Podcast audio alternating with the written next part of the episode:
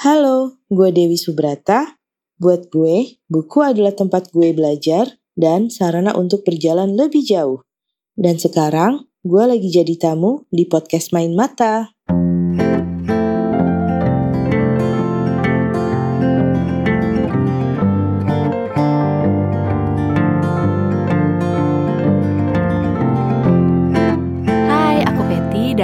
Lagi dengerin podcast Main Mata yang didukung oleh jaringan Potluck Podcast. Podcast Main Mata adalah podcast buku yang ngebahas banyak hal seputar dunia perbukuan, seperti obrolan dengan para pelaku mulai dari penulis, penerbit, editor, dan lainnya. Juga ada rekomendasi berbagai jenis buku dan tantangan untuk kamu para pembaca buku.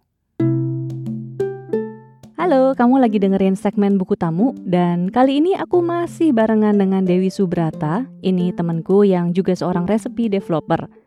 Nah, kalau di bab sebelumnya kan kami ngobrolin soal mengenali diri sendiri sebelum kita bisa tahu makanan apa sih yang baik buat badan kita. Kali ini kami ngobrolin soal tips masak yang seru dicoba buat siapa aja. Soalnya dengan masakan kita jadi bisa aware dengan apa yang kita konsumsi. Nggak harus jago atau udah pro buat nyobain tips dari Dewi. Soalnya bumbunya simple, bisa mix and match juga buat beberapa hari, tapi variasinya juga macam-macam. Di sini Dewi juga ngerekomendasiin satu buku masak yang menurut dia oke banget buat dibaca baik untuk pemula maupun yang udah pro. Nah, tanpa berlama-lama lagi, kita dengerin yuk obrolannya. Hai Wi, halo lagi. Halo. Ini kan tadi di bab sebelumnya kita sempat ngobrol soal cerita gimana lo awalnya didiagnosis diabetes, terus juga sampai akhirnya gara-gara itu juga mungkin jadi titik balik ya yang bikin lo mengatur pola makan, terus menemukan gaya hidup yang lebih sehat sampai akhirnya sekarang mood lo pun bahkan ikutan membaik. Tapi lo masih suka Hmm. jajan apa enggak? Masih dong. Oh, masih. Sesering apa jajan? Jajannya jam 5 pasti pesen kelapa hijau. Udah lu paling apa ya? Ya ada hari-hari di mana memang gue kendorin lah pantangan-pantangan gue itu. Nggak apa-apa lah satu hari dua hari agak bablas sedikit gitu. Tapi terus balik lagi ke tracknya. Iya, gue harus memberikan reward untuk diri gue sendiri supaya nggak malah akhirnya stres. Segala sesuatu yang kalau bentuknya keharusan kan malah akan bikin stres gitu. Jadi paling ya gue memilih gue jajannya apa. Hmm, Gitu. Oke. Tetap ngopi, tetap tapi gue susunya gue di rumah gitu. Jadi gue cuman pesen kopi hitamnya, gue campur buat di rumah sama susu kacang yang gue bikin sendiri atau salad gitu atau misalnya lebih banyak sayur sih akhirnya. Oke. Jajanan Gitu. lo udah mengarah ke yang lebih sehat juga ya? Lebih sehat ya balik lagi bisa dibilang begitu. Oke. Tapi kalau menurut gue malah belum terlalu. Ya contohnya sih gue sekarang misalnya kalau gue makan salad, gue minta dressingnya dipisah. Karena Hmm, kalori tertinggi itu kan adalah di dressing. Orang selalu bilangnya salad tuh sehat. Nggak juga tergantung dressingnya apa. Jadi gue lebih kepada gitu apa yang misalnya gue jajan. Atau misalnya gue mau makan bakso deh. Gue tetap beli bakso. Gue tapi cuman makan baksonya tok. Kuahnya cuman basa-basi. Oh, oke. Oh, jadi kayak gitu. Kalau gue sih yakin masih sebagian besar dari kita lebih sering jajan di luar lah ya, karena itu Pas. waktu, terus mungkin juga ya ada keterbatasan peralatan atau gimana kan. Tapi kan sebenarnya kalau keseringan jajan ya nggak sehat juga ya, dan sebenarnya akan lebih hemat kalau kita masak, itu sudah pasti. Tapi mungkin nggak semua juga orang punya mungkin punya privilege kali ya bisa bereksperimen masak dengan waktu cukup dan bahan baku lengkap. Cuman kesehatan juga penting. Nah, apakah dengan sesekali masak sendiri pola hidup kita bisa lebih sehat nggak ya? Kalau bicara sesekali sulit ya. Semuanya Hmm. karena harus dijadikan kebiasaan. Hmm. Itu kan balik lagi semuanya baru akan ada efeknya dan manfaatnya kalau dibuat rutin. Iya. Rutin jamnya, rutin aktivitasnya. Jadi bukan lagi kita bicara diet tapi pola hidup. Sesekali jajannya mungkin, tapi lebih banyak makan di rumahnya atau memasak sendiri. Ataupun kalaupun mau beli ini misalnya di luar, Hmm. hanya memilih bahan baku nggak apa-apa. Jadi jajan tuh nggak ada yang salah karena sekarang jajanan pun banyak yang sudah mulai memperhatikan bahan bakunya sih. Hmm, dari yang gue lihat ya, lo kalau Ya, ya. pilih masakan atau pilih bahan baku makanan kayaknya bukan bahan baku yang ribet-ribet juga. Kayaknya lo sering memang mencampur dengan apa yang ada di kulkas, terus lo kreasikanlah menjadi sesuatu. Habisnya daripada kebuang. Aduh. Ada nah, ada tips nggak untuk masak yang gampang-gampang mungkin buat misalnya ya orang yang tadi keterbatasan waktu, terus juga mungkin keterbatasan alat, keterbatasan bahan baku. Ya, at least misalnya ada bumbu-bumbu basic yang wajib ada nih dan bisa di mix and match. Ini andalan selalu di rumah karena selalu jadi makanan kesukaan suami gue dan gue. Hmm. Bawang merah, bawang putih itu udah harus ada di rumah kalau gue. Udah gitu gue juga suka daun salam, daun jeruk. Oh. Kemudian bawang bombay biasanya ada gitu, tapi tidak wajib. Biasanya gue menggunakan bawang bombay itu sebagai memberikan rasa manis di masakan. Itu biasanya gue pakai banyak bawang bombay untuk menghasilkan rasa manis. Otomatis gue bikin dia ditumis agak lama dulu. Terus tomat tuh biasanya gue wajib ada. Tomat Hmm. itu juga salah satu yang bisa menjadi berbagai macam masakan. Nah, kalau buat mereka yang memang misalnya waktunya terbatas atau misalnya area memasaknya tidak luas, masak tuh nggak perlu rumit sih. Sebenarnya cari cara yang paling nyaman dan Hmm. cara yang mudah biasanya adalah menumis. Dimulai dari situ. Hmm. Menumis, kukus, gitu. Gue tuh suka banget eksperimen dengan misalnya tiga bahan baku yang sama tapi bisa menjadi dua menu yang beda. Kayak dengan hanya bawang merah, bawang putih, cabai merah besar. Hmm. Kalau di gue, gue senengnya pakai nasi coklat. Nah itu biasanya gue bikin nasi goreng. Itu tinggal tambahin kalau lagi ada sayur lain ya dimasukin sawi, kailan, atau daun-daunan lain lah. Nah kalau misalnya untuk suami, suami tuh suka banget pasta. Hmm. Bahannya apa? Sama, bawang putih tanpa bawang merah malah. Jadi kalau bedanya adalah kalau misalnya untuk nasi goreng, bawang itu ditumis sampai matang. Tapi kalau misalnya untuk pasta, bawang putih itu diinfuse dengan jadi gini, si extra virgin olive oil itu masuk ke wajan, api kecil, bawang putih masuk, diinfuse. Jadi dia akan matang panas perlahan sampai rasa bawangnya itu keluar dan masuk ke dalam minyak. Bedanya itu, kalau di nasi goreng ditumis, di pasta dia dibuat seperti minyaknya itu supaya ada rasa bawangnya, baru nanti pasta masuk. Jadi sebenarnya nggak nggak ribet bahwa beberapa bahan baku tuh bisa jadi beberapa makanan yang sama. Kemudian misalnya ditambahin tuna jadi pasta tuna, spaghetti tuna gitu. Atau misalnya untuk yang vegan ditambahin jamur, itu juga bisa dijadikan untuk nasi goreng. Jadi sebenarnya basicnya sih itu, cuman bawang merah, bawang putih. Kalau tomat biasanya gue bikin untuk semur bisa, untuk saus marinara, jadi hanya di blender, Hmm. dimasak lama sampai dia menyusut, dia akan jadi seperti pasta tomat. Nah itu bisa untuk olesan roti, bisa untuk pasta, bisa diisi dengan meatballs. Jadi gue lebih sering membuat saus-saus serbaguna dari bumbu-bumbu dapur. Berarti sebenarnya bahan basicnya nggak perlu terlalu banyak ya? Gak perlu misalnya pun, ini juga yang selalu ada di kulkas gue sih. Minyak wijen. Misalnya nasi goreng deh, cuman pertama kita tumiskan pakai minyak kelapa gitu ya, atau ada yang senang pakai mentega. Hmm. Ditumis si bawang-bawangnya, udah gitu tambah minyak wijen, nasi putih masuk, tambah garam tuh udah enak banget. Gitu. Hmm, Oke. Dan si minyak wijen ini pun akan enak untuk banyak tumisan sayur karena minyak wijen baik dipakai untuk masakan Chinese kan. Udah paling gampang minyak wijen, terus misalnya ada kalau gue gue pakai tepung cassava, tepung serbaguna, gluten free. Terus biasanya gue pakai itu untuk pengental. Jadi misalnya udah sayuran-sayuran, sayuran juga banyak yang capcay deh contohnya. Itu sayuran semua kan. Itu sawi putih lah, jamur, segala sayur masuk. Yang penting bumbunya aja gitu. Dengan minyak wijen, air, garam, merica, udah gitu dikentelin sedikit dengan si tepung dicampur. Jadi air dingin dicampur dengan tepung itu diguyurkan ke si sayur, udah jadi sapo. Tinggal mau tambah tahu Hmm. kah, mau tambah protein kah. Gue tuh hampir selalu menggunakan itu sih. Pokoknya bawang merah, bawang putih, bawang bombay, minyak wijen selalu ada. Kemudian kalau misalnya lagi nggak pengen pakai garam, gue selalu ada sedia kecap asin. udah aman. Buat gue paling basic sekali ada itu aja tuh aman.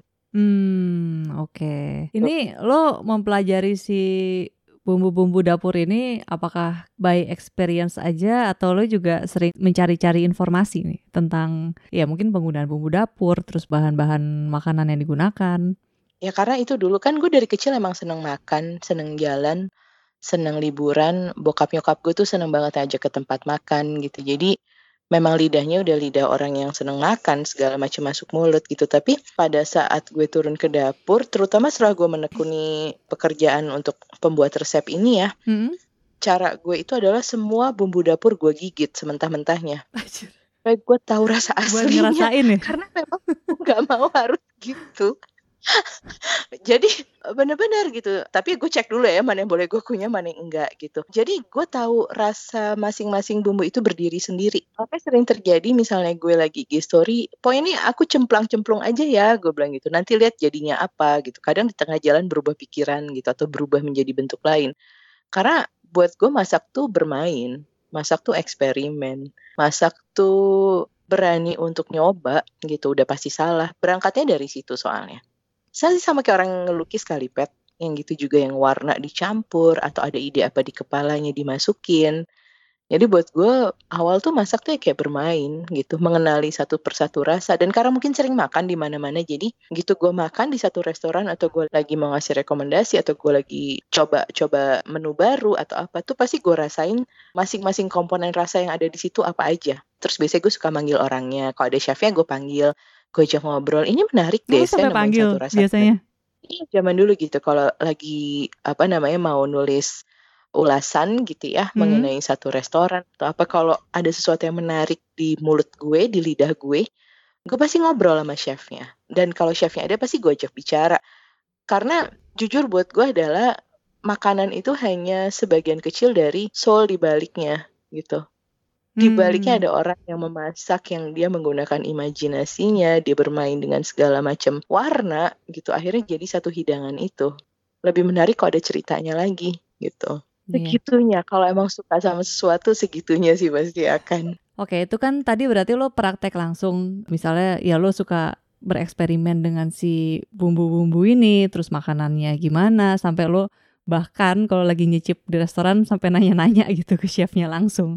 Dari lo nya sendiri, lo memang punya basic pengetahuan tentang si bahan baku ini? Apakah lo membaca dari berbagai sumber? Mungkin ada literatur yang pernah lo baca juga kah untuk mendukung pengetahuan yang lo dapat dari si praktek ini? Ada satu buku sih yang gue rasa bagus sekali. Ini seneng banget akhirnya dapat buku ini. Sebenarnya udah lama dengar tapi baru akhirnya sampai di tangan. Hmm. Namanya The Science of Cooking yang nulis Dr. Stuart Ferryman. Oke, isinya tentang apa tuh? segala macam tentang makanan. Dari mulai rice and grains and pasta, terus ada the process of steaming, microwaving, in focus tentang kacang-kacangan, tentang herbs, chilies, oils and fats. Wow, terus okay. proses baking, tentang know your meat, tentang pengenalan white meat tuh apa aja. Kalau chicken tuh fatnya berapa, duck tuh fatnya golongannya mana, turkey, terus red meat, itu ada yang beef, lamb, pork, terus tentang fillet, tentang kalau daging itu jadi coklat sebenarnya apa-apa nggak sih? Terus gimana memilih daging yang baik? Terus Gila uh, tuh tentang, detail banget dari mulai pilih bahan baku sampai akhirnya jadi menu gitu ya? Ya, sampai ini ada kayak kenapa lebih aman untuk makan beef yang rare atau medium tapi enggak untuk ayam dan pork itu juga ada. Hmm. Terus cara membuat stok atau broth, terus makanan tuh dibungkus atau dibuka sih kalau lagi baking, kenapa dibungkus, kenapa harus dibuka, terus ada tentang telur, telurnya segala macam dari telur bebek, telur ayam, telur puyuh, segalanya ada, sampai tentang nutrisi pun ada. Wow. Jadi benar-benar tentang dibalik makanan sainsnya itu, metode-metodenya segala macem. Hmm, berarti ini buku kan super duper lengkap ya. Buat lo mungkin udah cukup another level lah. Ya. Banyak banget yang bisa lo pelajari dari si buku ini. Tapi misalnya kalau buat yang baru-baru masak nih, Ada informasi menarik apa nggak yang dibahas dari si bukunya untuk pengetahuan-pengetahuan dasar memasak yang kayaknya simple untuk dipraktekin? Ada. Jadi tentang kayak gini, beberapa bumbu-bumbu itu cocok nggak sih digabung jadi satu? Terus tentang juga pemilihan pan, terus cara menumis yang supaya hasilnya baik tuh gimana, untuk supaya rasanya itu merata, hmm. terus untuk menimbulkan bau smoky-nya itu gimana, dicop kah atau dicop kecil-kecil kah atau diiris kah? Ini penting oh. sih untuk memang dari yang cara motong pun ngaruh ya ke aroma yang dikeluarkan gitu ya. Banget. Contoh deh hal paling sederhana, bawang putih dengan dia dibikin pure, dihaluskan, mm-hmm. dengan dia dicop, dengan dia diiris tipis, itu rasanya akan beda. Dengan dia menggunakan minyak, dia tanpa minyak, itu rasanya akan beda. Nah, ini yang paling utama karena gue terakhir-terakhir bikin makanan tanpa minyak terus kan. Cabe itu rasa pedas yang kuatnya akan lebih keluar kalau dia ditumis dengan minyak dibanding tumis dengan air gitu. Hmm. Karena proses panasnya beda. Kan yang satu sifatnya kayak steam, yang satu ya panas yang kuat gitu kan. Kalau dengan minyak kan langsung tuh. Okay. Jadi pemasak sebenarnya mau dibikin simple bisa. Nanti biasanya orang yang dari awal masak menumis, hmm. dia kenal bumbu, dia kenal rasa, dia akan tahu bedanya. Nanti proses-proses masak itu kan berjalan dengan waktu kok. Dari nyoba, dari gagal. Karena awal gue pun bikin resep, wih, yang namanya bikin resep itu nggak bisa sehari dua hari, paling nggak minimal satu resep tuh dua minggu kalau gue. Itu proses trial errornya, ya ampun, bisa 10 kali lebih. Lebih susah bikin resep minuman atau resep makanan? Makanan pastinya lebih kompleks. Makanan ya? Sebenarnya gini, lebih banyak terbuangnya kalau makanan. Karena kan makanan kita bicara banyak bahan biasanya kan, hmm. ada bumbu, ada proteinnya, ada karbonnya atau segala macam. Tapi kalau minuman kan ya dia bermainnya antara bubuk, air, kacang-kacangan, lebih kayak gitu. Ini buku bagus sekali soalnya. Jadi ya itu proses chop aja tuh ada, terus menumis yang baik gitu. Jadi untuk mereka yang memang awal-awal nih mulai masak dan banyak juga tentang cara proses penyimpanan itu paling utama kan kalau kita ngekos kan misalnya atau kita tinggal bersama-sama misalnya dalam satu rumah keluarganya yeah. banyak kulkas kan pasti diisi banyak orang dong iya yeah, benar Oh di situ juga di buku ini juga dibahas tentang cara-cara penyimpanan makanan berarti? Iya ada juga. Aduh macam-macam bagus banget nih buku. Terus cara memilih ikan yang fresh itu kan awal-awal masak biasanya pasti pengennya beli bahan baku sendiri dong. Terus paling nggak kita juga harus tahu kayak apa sih ikan yang fresh. Bener. Ada lengkap banget. Itu sebenarnya buku untuk semua yang memang senang memasak, baru akan mulai memasak, atau mereka yang memang sudah bergerak di bidang memasak yang udah lama gitu. Karena ilmunya benar-benar dari basic sampai advance. Dan kayaknya nggak akan habis-habis dikulik juga ya kalau misalnya sedetail itu ya. Iya, karena buat gue sendiri ini kayak banyak ilmu yang gue dapet dari sini yang juga pernah beberapa kali gue bicara sama teman-teman gue yang memang sudah ada di level chef. Hmm? Gitu. Jadi memang di buku ini pun ada mengambil ilmu-ilmu dari sekolahan juga. Benar-benar lengkap lah. Tadi lo ngomongin soal penyimpanan di buku itu dibahas tentang penyimpanan makanan. Gue jadi kepikiran kalau misalnya buat orang ngekos atau yang kantoran nih, hmm. terus yang tadi waktunya nggak banyak, terus mungkin budget pun ya ada lah ya alokasi budget, tapi karena memang bukan mendedikasikan waktunya untuk memasak, dia mungkin budgetnya juga terbatas. Untuk menghemat waktu juga dia mempersiapkan makanan hmm. daripada jajan nasi uduk atau bubur ayam tiap hari. Ada nggak sih cara mempersiapkan makanan yang praktis dan simple tapi misalnya dia nggak repot harus masak dengan dalam waktu lama setiap hari oke okay. kalau di gue nih zaman hmm. gue ngekos dulu hmm. gue tuh sering banget bikin nasi berbumbu karena gue lagi ngejalanin si pola makan tanpa minyak lemak dan santan ini akhirnya bikin lah si nasi berbumbu ini. Nah, ini juga salah satu yang bisa diterapin sih. Misalnya malam gitu mau tidur atau pagi-pagi banget misalnya bangun nih subuh gitu kan misalnya. Terus hmm. udah masukin lah tuh semua. Si beras sudah dicuci, cemplung lah daun salam, daun jeruk, serai geprek, itu semua ditumis dengan kecap asin, bawang putih, Mm-mm. lupa deh apa di Instagram gue. Udah selesai ditumis tanpa minyak. Biasanya gue cuma pakai kecap asin. Terus gue masukin ke rice cooker bersama si nasi tadi. Terus gue buat seperti gue membuat nasi di rice cooker. Oke, berarti bumbu-bumbunya lo tumis dulu tanpa minyak. Dan Terus berasnya udah di rice cooker duluan kan? Maksudnya nggak ikut ditumis Iya. bareng? enggak, Oh, oke. berasnya udah dicuci. Kemudian si bumbu-bumbu itu gue tumis, airnya udah masuk dulu seukuran biasa kita kalau mau masak beras dengan rice cooker. Hmm? Terus ya udah, masukkanlah tumisan itu semua, udah ditinggal. Kadang kalau lebih males lagi, gue masukin sekalian ayam ke situ. Ayamnya biasanya udah gue tumis. Gue selalu sedia di kulkas. Nah ini untuk mereka juga yang nggak punya banyak waktu mungkin. Gue biasanya selalu marinasi ayam. Mm-mm. Udah gitu selesai marinasi, gue matangkan. Bisa gue tumis dalam bentuk kotak dadu. Atau dada ayam misalnya udah gue bumbuin, gue cuman panasin di pan sampai dia mateng. Nah gue biasanya nyetok itu di kulkas. Ya udah tinggal nasi gue taruh di kotak makan. Udah gitu ayam gue tumis sedikit dengan mungkin bumbu dengan tambahan kecap atau lemon. Terus sayuran juga biasanya gue kukus. Udah. Oh, sayuran dikukus. Kalau Dibiarin semalam kukus. berarti. Enggak, biasanya gue kukus pada saat baru akan dikonsumsi. Sayuran nggak boleh dimatengin sih, sebisa mungkin fresh. Tapi kadang terjadi, gue udah bikin misalnya kayak sapo, nggak habis kan gitu. Ya udah, yang pasti disimpan dalam wadah tertutup. Gitu. Tapi Hmm. sebisa mungkin memang sayur itu bagusnya dimasak saat akan dikonsumsi.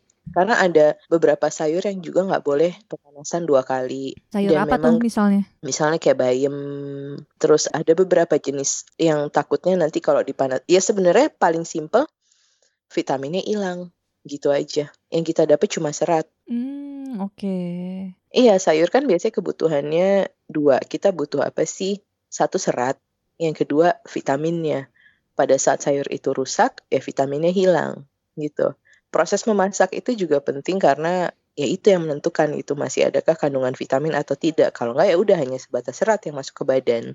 Berarti kalau versi lo yang bisa disiapkan dari semalam mungkin bikin tadi nasi bumbu ya? nasi bumbu tuh bisa. Terus kemudian ayam, ayam. biasanya gue udah bikin malamnya. Pagi itu tinggal jadi misalnya gue grill aja paginya udah tinggal olesan lemon kecap tuh tapi dagingnya sendiri udah berbumbu terus kalau sayur paling malamnya tuh gue cuci aja. Gue cuci Hmm. gue keringin gue simpen di tupperware di kotak-kotak makan tapi masih mentah. Jadi pagi gue tinggal udah nggak perlu nyincang-nyincang nggak perlu repot-repot lagi nyerut gue gue parut atau apa semua udah tinggal masuk aja wajan. Hmm, oke. nah ini bisa juga buat yang puasa sih. Kalau pagi kan suka males banget tuh.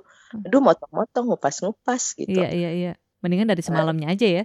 Mm-mm. Yang yang gue paling inget zaman gue ngekos dan zaman sekarang kan karena gue tinggal berdua sama suami gue gitu ya. Hmm. Zaman gue masih sama bokap nyokap satu rumah.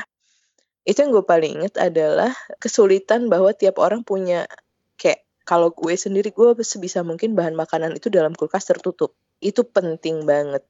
Karena kayak contoh deh bawang bombay dia tuh absorb kelembapan. Jadi misalnya dia ditempatkan dalam satu wadah bersama sayuran, sayuran itu akan cepat layu. Gue belum pernah sih nyimpen bawang bombay bersama sayuran lain. Cuman kalau bawang bombay misalnya taruh di wadah terus nggak ditutup, dia akan mengkerut sih cepet.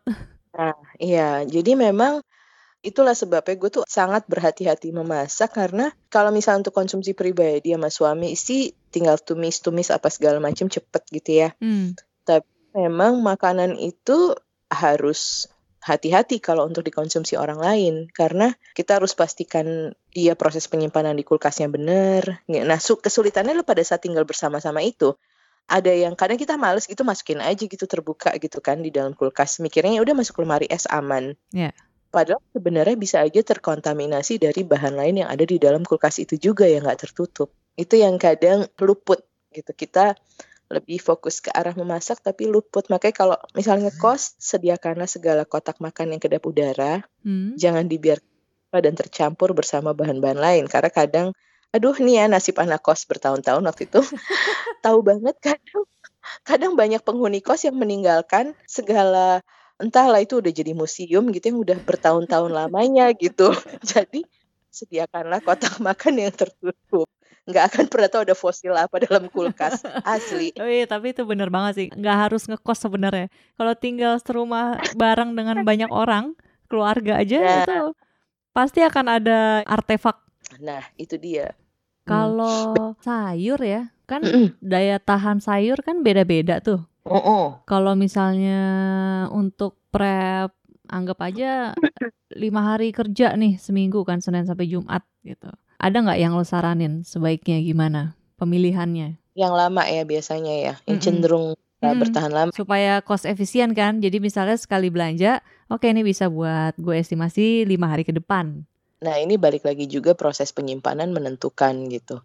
Tapi dari yang sudah sudah sih kalau yang cukup fleksibel nih usianya, rentang waktunya lima hari mungkin baru layu gitu ya istilahnya. Mm-mm. Sawi putih cenderung aman, tomat masih bisa. Tomat juga cukup panjang umurnya. Zucchini, ketimun, terus terong masih bisa. Itu. Tapi balik lagi kita pilihnya awalnya pas beli ini terongnya kondisinya gimana, jangan yang terlalu tua gitu. Oh, taunya tua atau muda dari mana? Dari warnanya. Oh, Yang matang aja udah, tapi jangan yang terlalu tua juga. Apalagi ya, wortel?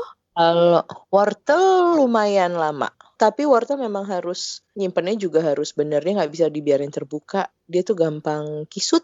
Jadi wadahnya memang harus kalau memang misalnya bisa ya wadah kedap udara aja. Terus biasanya gue di rumah tuh belanja sayur seger itu tiga hari sampai lima hari. Kalau yang berdaun hijau yang harus dipastikan dia tidak basah.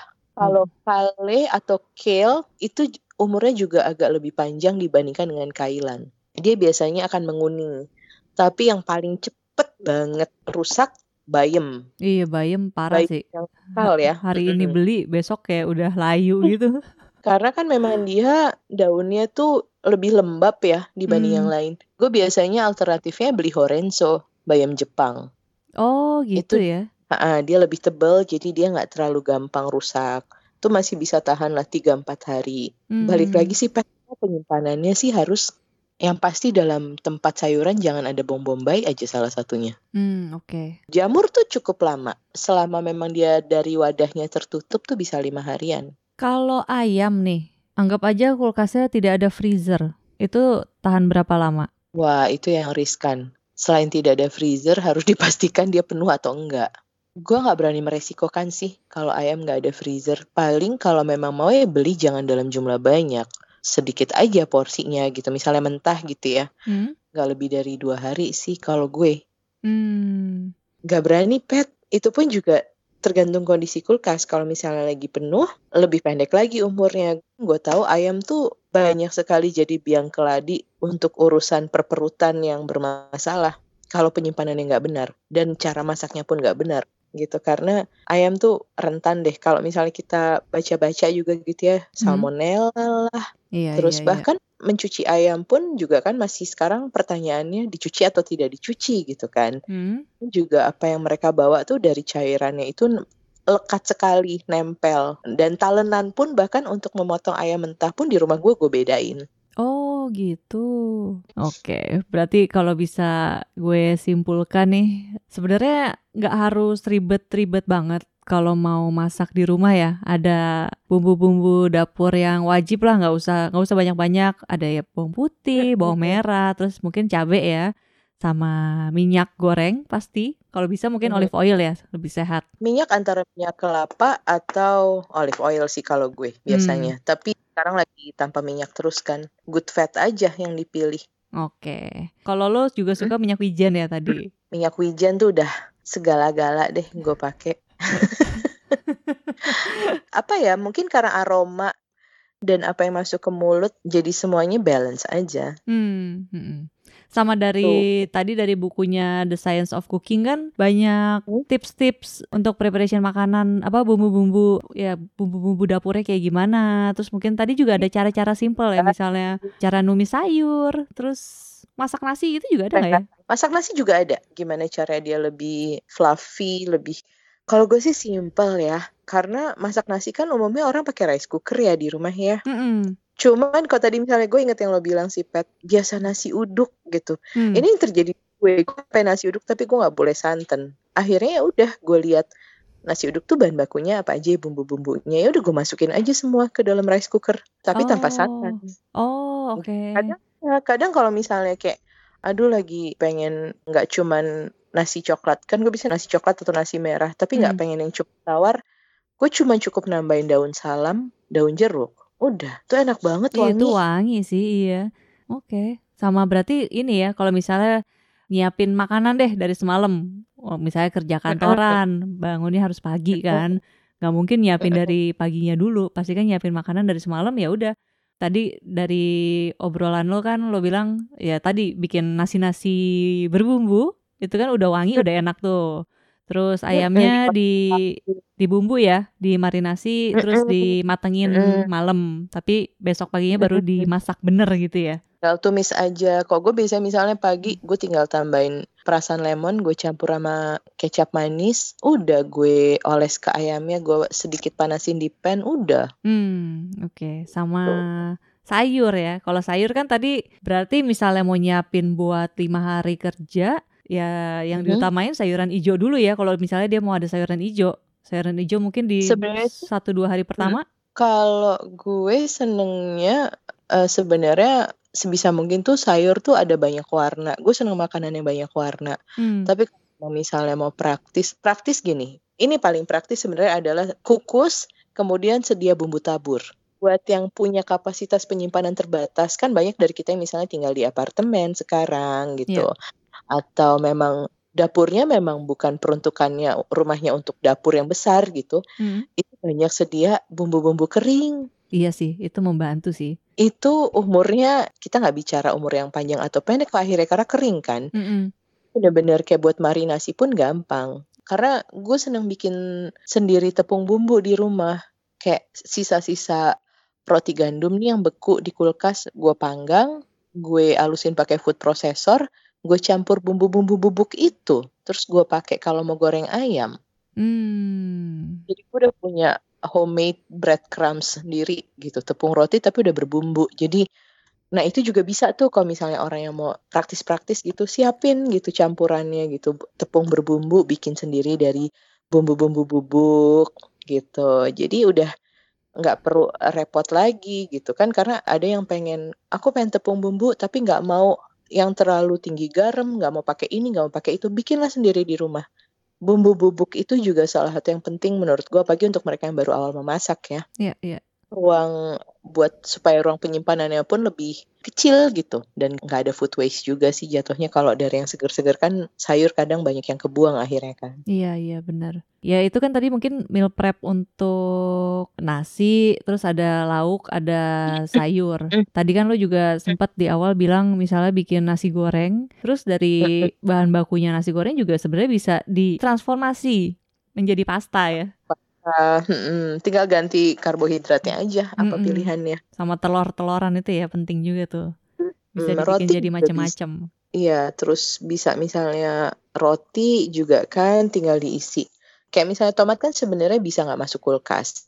Hmm. Ketimun nggak kulkas. Tinggal paginya bikin mau telur dadar, mau telur ceplok, apa untuk isian roti. Terus misalnya mau pakai keju deh, bisa pakai keju slice atau spread gitu. Itu juga bisa kepake untuk kalau pasta gitu. Jadi gue lebih gitu sih makanannya di rumah yang bisa masuk untuk semua supaya nggak ada yang kebuang. Jadi berhemat juga, berhemat tempat, berhemat semuanya. Jadi gue cuma mikirin supaya jangan ada yang kebuang deh, buang-buang makanan gitu. Jadi sebisa mungkin dari bahan-bahan itu gue bisa create banyak masakan. Tinggal ganti-ganti aja karbonya. Iya, betul. Seminimum mungkin lah sisa bahan makanan ya kan sayang. Betul. Gue soalnya gitu kalau misalnya ada cabe gitu, apalagi kalau misalnya ibu-ibu belanja cabe kan di, di supermarket kalau di pasar oke okay lah kita bisa milih berapa gram gitu ya. Di supermarket ada yang nggak bisa dibuka, udah dikemas-kemas. Dan akhirnya kebuang kan. Sedih rasanya buang makanan. Akhirnya gue suka itu cabai semua gue panggang aja. Terus gue pakai food processor, gue halusin jadi chili flakes. Oh. Jadi umur panjang. Oh iya, itu ide bagus juga sih sebenarnya. Gue tuh sering gitu kalau ngeliat kulkas nih, waduh nih naga-naganya nih aroma-aromanya sehari dua hari lagi nih, udah rusak nih. Gue hmm. gue cari cara terus gue jadiin apa ya? Kayak menemukan di kulkas, aduh ini sayang banget banyak banget kebuang. Terus kayak gue jadiin apa ya? Gitu pasti gitu. antara nggak mau rugi kali ya. Mental gitu. apakah ini? Gitu, Pet. Oke lah, baiklah. Kalau begitu, sebelum gue tutup nih obrolan kali ini, mungkin siapa tahu nih ada yang pengen tanya-tanya lebih lanjut kali ya ke lo. Kayak eh tapi di rumah gue gini-gini gini atau mungkin gue sukanya gini-gini atau ada bahan makanannya yang kayak gini-gini menurut lo gimana ya? Boleh nggak kalau ada yang mau nanya-nanya? Boleh banget. Biasanya memang Instagram itu fungsinya adalah untuk menerima DM-DM yang Mbak gitu. Kok aku ngikutin tutorialnya gagal? Nah, biasanya gue bisa nge-guide. Ayo deh yuk belajar bareng gitu. Memang Oke. sengaja membuat Instagram itu untuk sarana yang bisa diakses buat semua orang untuk belajar sama-sama lah gitu. Oke. Berarti boleh colek lo di Instagram ya. Instagram Colek lo apa? Dewi Subrata Oke. dengan senang hati dibantuin. Baiklah, kalau gitu ya silahkan mungkin buat yang dengerin siapa tahu ada yang mau tanya-tanya soal masak atau soal ya soal dunia permasakan lah ya dan resep-resepnya bisa langsung colek Dewi tadi di @dewi_subrata. Dan sebelum ditutup gue mau thank you dulu buat Dewi untuk Terima obrolannya. Terima kasih banyak. Iya, ini kita rekaman malam-malam agak-agak menuju tengah malam terus gue mulai lapar gitu jadi ya. ya udah, kita tutup dulu ya. Mungkin gue mau masak-masak dikit kali. Mari, mari, Oke. mari. Ya udah, terima kasih buat pendengar main mata juga udah dengerin. Mudah-mudahan obrolannya bermanfaat. Dadah. Terima kasih udah dengerin. Mudah-mudahan resep dari Dewi bisa kamu cobain segera ya. Kalau misalnya ada yang mau komen, kasih saran atau masukan, boleh banget bisa DM atau mention ke Instagram di @patricia.wulandari atau di @potluckpodcast. Kalau mau lewat Twitter juga bisa di @patipatigulipat atau @podcastpotluck. Terus, kalau kamu menyukai konten yang disajikan, kami akan sangat berterima kasih sekali jika kamu mau merekomendasikan podcast Main Mata ke teman-teman kamu, khususnya mereka yang suka baca buku. Jangan lupa juga untuk follow podcast Main Mata di Spotify, terus beri dukungan juga ya buat jaringan Potluck Podcast dengan follow dan subscribe di SoundCloud, YouTube, dan lainnya. Untuk informasi terbaru seputar episode-episode yang akan tayang dari channel-channel podcast yang ada, follow jaringan Potluck Podcast di Instagram @potluckpodcast. Tulisannya P O D L U C K Podcast. Segitu dulu. Dadah.